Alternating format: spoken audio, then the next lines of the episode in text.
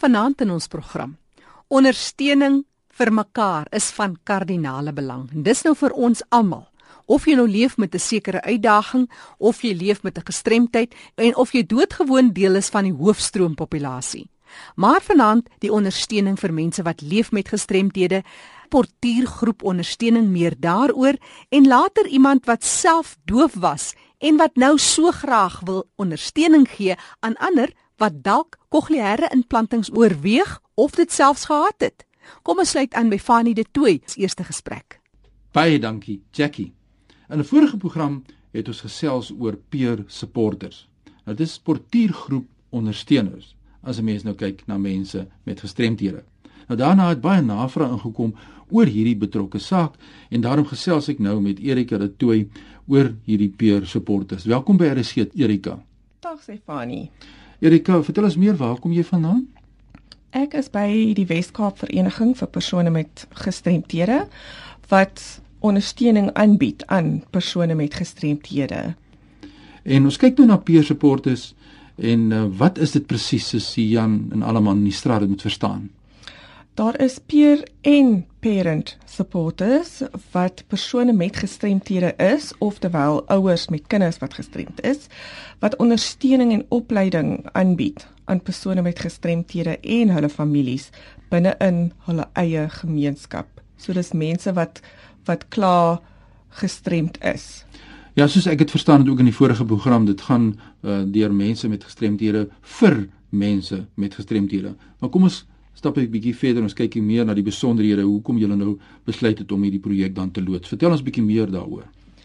Wel in ons vereniging was ons besorgd oor die daaglikse ervaring van gestremdheid van die persoon self en hulle families binne in hulle eie lewe. En as ook die Staatshospitaal, Western Cape Rehab Centre, het gevind dat baie van hulle ontslaande pasiënte na ruk terugkom hospitaal toe as gevolg van gesondheidstoestande wat voorkombaar is, byvoorbeeld druksere.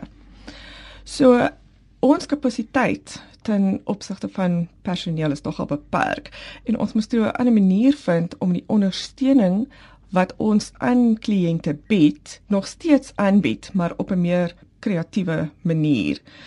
En ons kom toe op die peer support konsep wat ons toe nou begin het saam met Western Cape Rehab En na rukkie vind ons uit dat daar ook onkunde bestaan onder ouers van kinders met gestremthede oor hoe om hul kind te hanteer, hoe moet hulle kommunikeer, die kind stimuleer ensovoorts.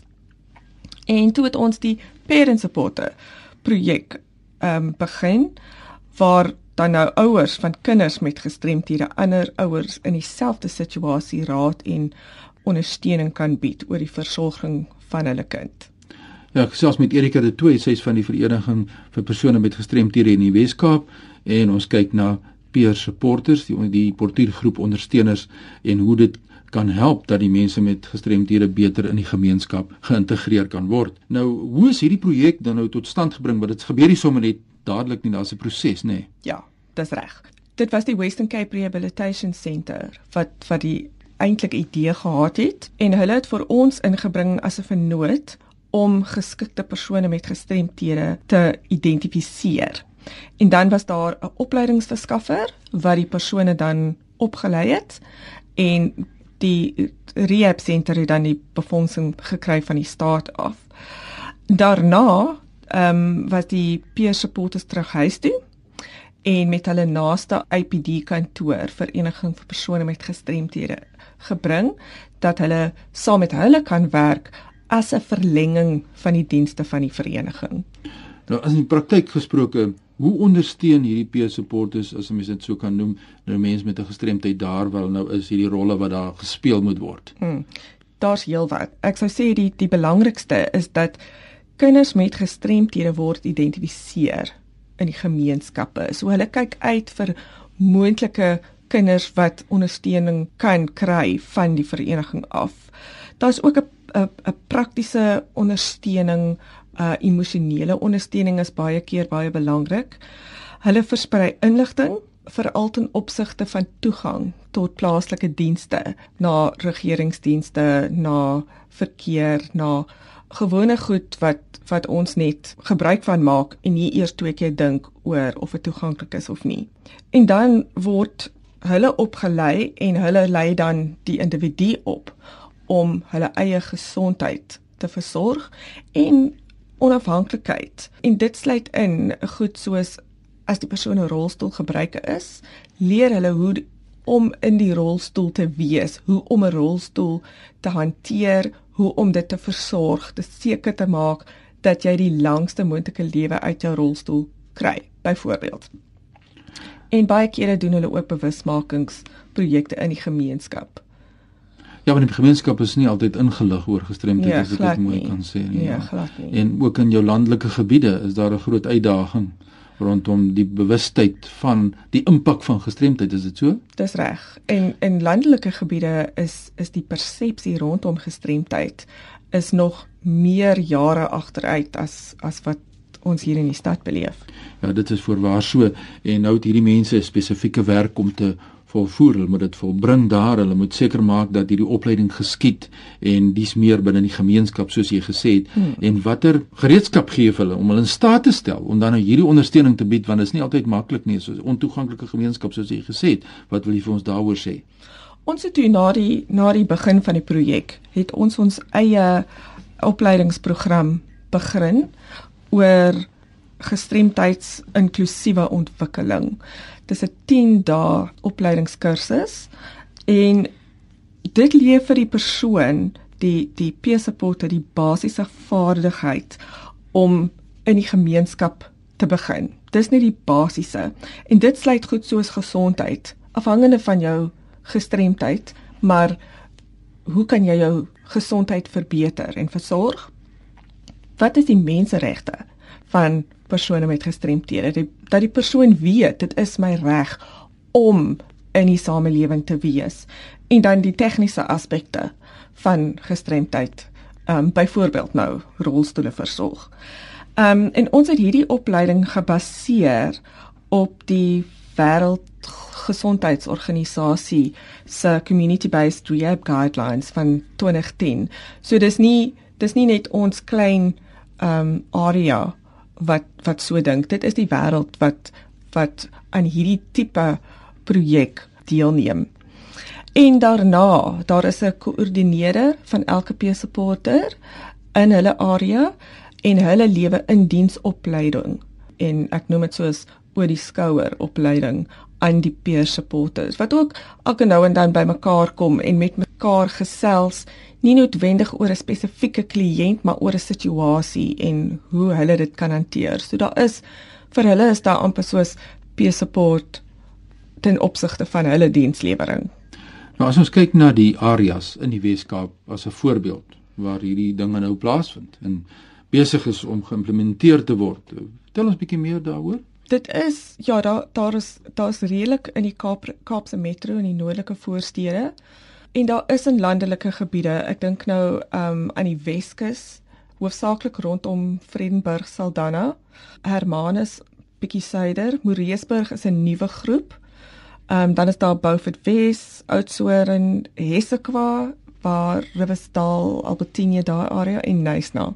So dit dek nie die hele Wes-Kaap nie, maar daar is beslis planne as daar befondsing is om dit oor die hele Wes-Kaap uit te brei. Dit is regtig die manier om dienste te lewe in die toekoms in. So ons is baie opgewonde daar daaroor. Ja, ek is ook self baie opgewonde want dit neem hierdie dienste na die gemeenskappe toe wat andersins dit net sou hê ja. nie en veral soos jy sê in die landelike gemeenskap. Nou die impak wat die projek het onder persone met gestremthede as 'n mens nou kyk na hoeveel mense bereik julle en dis meer, is daar sulke statistieke beskikbaar? Ehm um, daar is ons het amper 7900 mense al bereik. Ehm um, wonderlik. Ja, met hierdie en dis is mense wat nie noodwendig deur ons bereik sou kon word omdat ons beperkte personeel het. Maar die peeseporters self het getuig van hulle persoonlike ontwikkeling en die trots op die verandering wat hulle in mense se lewens aanbring. Hulle maak regtig 'n verskil. Hulle is ook nou in APD se diens geneem wat maak dat hulle meer ekonomies onafhanklik is en ons is trots weer want want hulle word nou gesien nie meer as kliënte nie maar as vennote in ons eie dienslewering. So hy's hulle is eintlik deel van ons personeel. In die gemeenskappe self, ehm um, het ons opgelet daar's beter lewensomstandighede onder die persoon met die gestremthede. Daar is meer identifisering van hoë risiko gevalle insluitend persone wat mishandel is, veral kinders met gestremthede wat in 'n in 'n kamer toegesluit is. Dit dit gebeur nie so maklik meer nie. Daar is groot toegang van persone met gestremthede tot gemeenskapsdienste, ehm um, aansoek vir geboortesertifikate by hospitale en en en so voort. En dan word die peer supporters ook as hulpbronne aan ons um, maatskaplike werkers. Dit dit is vir ons 'n groot verligting in ons eie werk. En ja, onder die persone wat die dienste ontvang, het hulle al gesê dit is vir hulle wonderlik dat daar eintlik mense is wat vir hulle omgee. Ja, so dit is nou waar oor hierdie hele saak van peer supporters gaan. Maak nie saak waar jy jouself bevind as 'n luisteraar nie. Ek dink dis dieselfde uitdagings dwars oor Suid-Afrika. Ek sou graag wil hoor wat is julle mening oor hierdie baie belangrike saak, hoe mens mense met gestremthede kan gebruik om ander mense te help. En dit is waaroor hierdie peer supporters gaan, hierdie portuïergroep ondersteuners wat dan so terugploeg. Maar my ervaring is persoonlike vlak is dat ek elke keer wat ek die geleentheid het om terug te kan ploeg, help dit ook tot my eie rehabilitasie. Erika, dit is lekker om jou te gesels. Waar kry mense hulle in die hande as hulle wil skakel en meer inligting hê? Om miskien wil daar mense ergens in die land ook begin met soortgelyke projekte. Waar kry hulle vir jou in die hmm. hande? Hmm. Ons is ehm um, bereikbaar by telefoon 021 355 2881 of hulle kan vir ons e-pos. E-posadres is director in Engels @wcapd.org.za. Geef ons net weer daai telefoonnommer deur. Dis 021 355 2881. Ja, dit is die kontakbesonderhede van Erika de Tooy van die Wes-Kaapse Vereniging vir persone met gestremthede en ons nou gehoor hoe hulle die dienste uitneem na die gemeenskap wat dit so nodig het. Indien jy belangstel om enige inligting kom in hierdie program, jy kan sommer nou 'n uh, e-pos aan my stuur by fani@roadtoindependence.co.za. Besoek ook ons webtuiste en ons Facebookblad. Ja, gaan like hom, sê jy hou van hom, dan stuur ons vir die inligting deur by facebook.com vorentoe skynstreep your road to independence. Nou ja, terug na jou daar in die Goudstad, Jackie. Fanny de Tooi daar in Kaapstad. Onthou jy kan ook weer gaan luister na hierdie gesprekke op ons webtuiste erisg.co.za. Klik op potgooi en soek vir Leefwêreld van die gestremde. Al die kontakbesonderhede wat ons deurgee is ook op ons webtuiste te kry. So gepraat van ondersteuning, 'n projek vir portuïergroepe, die ondersteuning, rehabilitasie en so meer. Ek gesels nou met 'n jong man Hy was doofgebore en het twee kokleaire implantings gehad. Vandag staan hy sy plek vol en wil graag ondersteuning bied aan baie ander. Dis Henning Lamprechts. Henning, vertel ons vinnig jou verhaal. Ja, ek was doofgebore. Heeltemal doof gewees en ek kon niks hoor nie. Ek was in Karmel toe sentrum gewees. Dit is by Tygerberg Hospitaal se kant. Toe daarvandaan toe ek oor na Bergenskool toe en van perskool af as ek oor na Jankreil toe waar ek toe matriek gemaak het.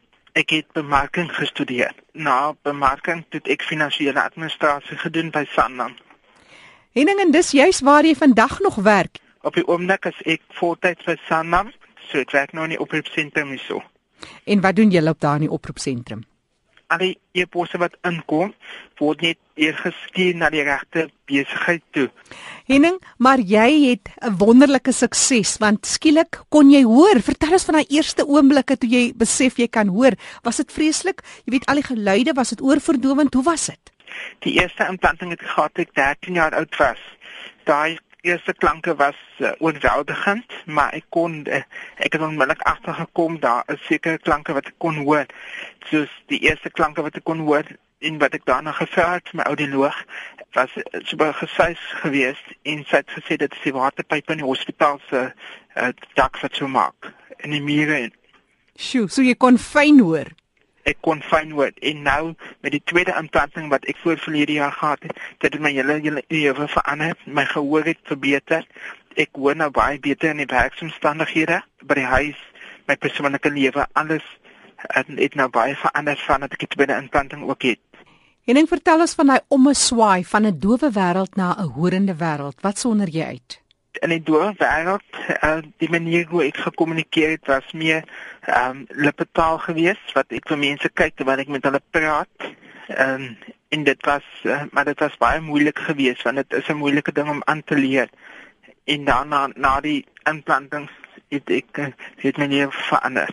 Ek het die woorde ek moes geleer praat het. Was dit vir jou 'n moeilike taak of het dit baie natuurlik gekom?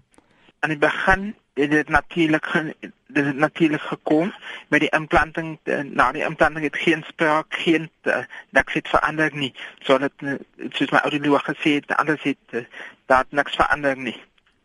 Wat was vir jou die vreemdste klank wat jy gehoor het die eerste keer toe jy begin hoor? Was daar iets wat vir jou heeltemal anders geklink het as wat jy jou voorgestel het dit sou klink? Die die eerste ding wat ek kon gehoor het wat as ek kan sê musiek. Ek is baie lief vir musiek en musiek het vir my uh, het vir my 'n nuwe wêreld oopgemaak.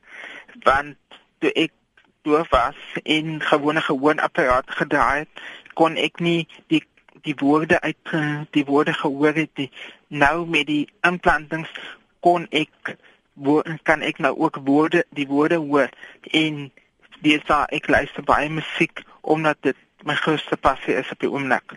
Maar as as dowe persoon voel dit mos partykeer of mense met die trillings van die musiek soort van ook luister en die gevoel kry. Het jy nog altyd daai sintuie terwyl jy die musiek luister vandag nou met die cochleaire implantings? Ek luister nog altyd uh, aan musiek. Ja, dis reg. Met jou hele lyf. Yes. Nou Henning, jy as jong man wil so graag 'n ondersteuningsnetwerk begin vir mense wat juis hierdie voorreg het om 'n cochleaire implanting te kon hê. Wat is dit wat jy oor droom? Hoe sou jy mense wou se ondersteun? Ek sou graag vir hulle wil vertel en vir hulle wil herstel uh, dat die implanting dit is dit aan die begin is dit 'n bietjie oorweldigend as jy al die inligting moet inneem, maar dit verander mense hele lewe en ek wil graag net vir mense die in daai leiding gee dat hulle dat hulle met minder vrees in die ding kan ingaan dat hulle meer gerusstellend kan wees van iemand in eh, die inligting kan kry van iemand wat al weer die implanting het. Voel jy dit was vir jou 'n leemte dat jy daai ondersteuning gesoek het voordat jy die tweede implanting gehad het? Die ondersteuning het ek gekry van familie en vriende en ook van Tygerberg uh, Hospitaal se cochleaire implantingspan. Maar jy wil graag hê julle moet so bymekaar kom. Jy wil met ander mense praat wat hierdie tipe implanting gehad het. Ja, ek sou graag met ander wil gesels en voornemende uh, mense wat ook uh, ouers wat dalk miskien van 'n kinders uh, die implanting wil kry en wat meer wil weet en hulle kan ook vir my kontak. Ek is beskikbaar met e-pos en um, op die selfoon met WhatsApp as ek ook beskikbaar.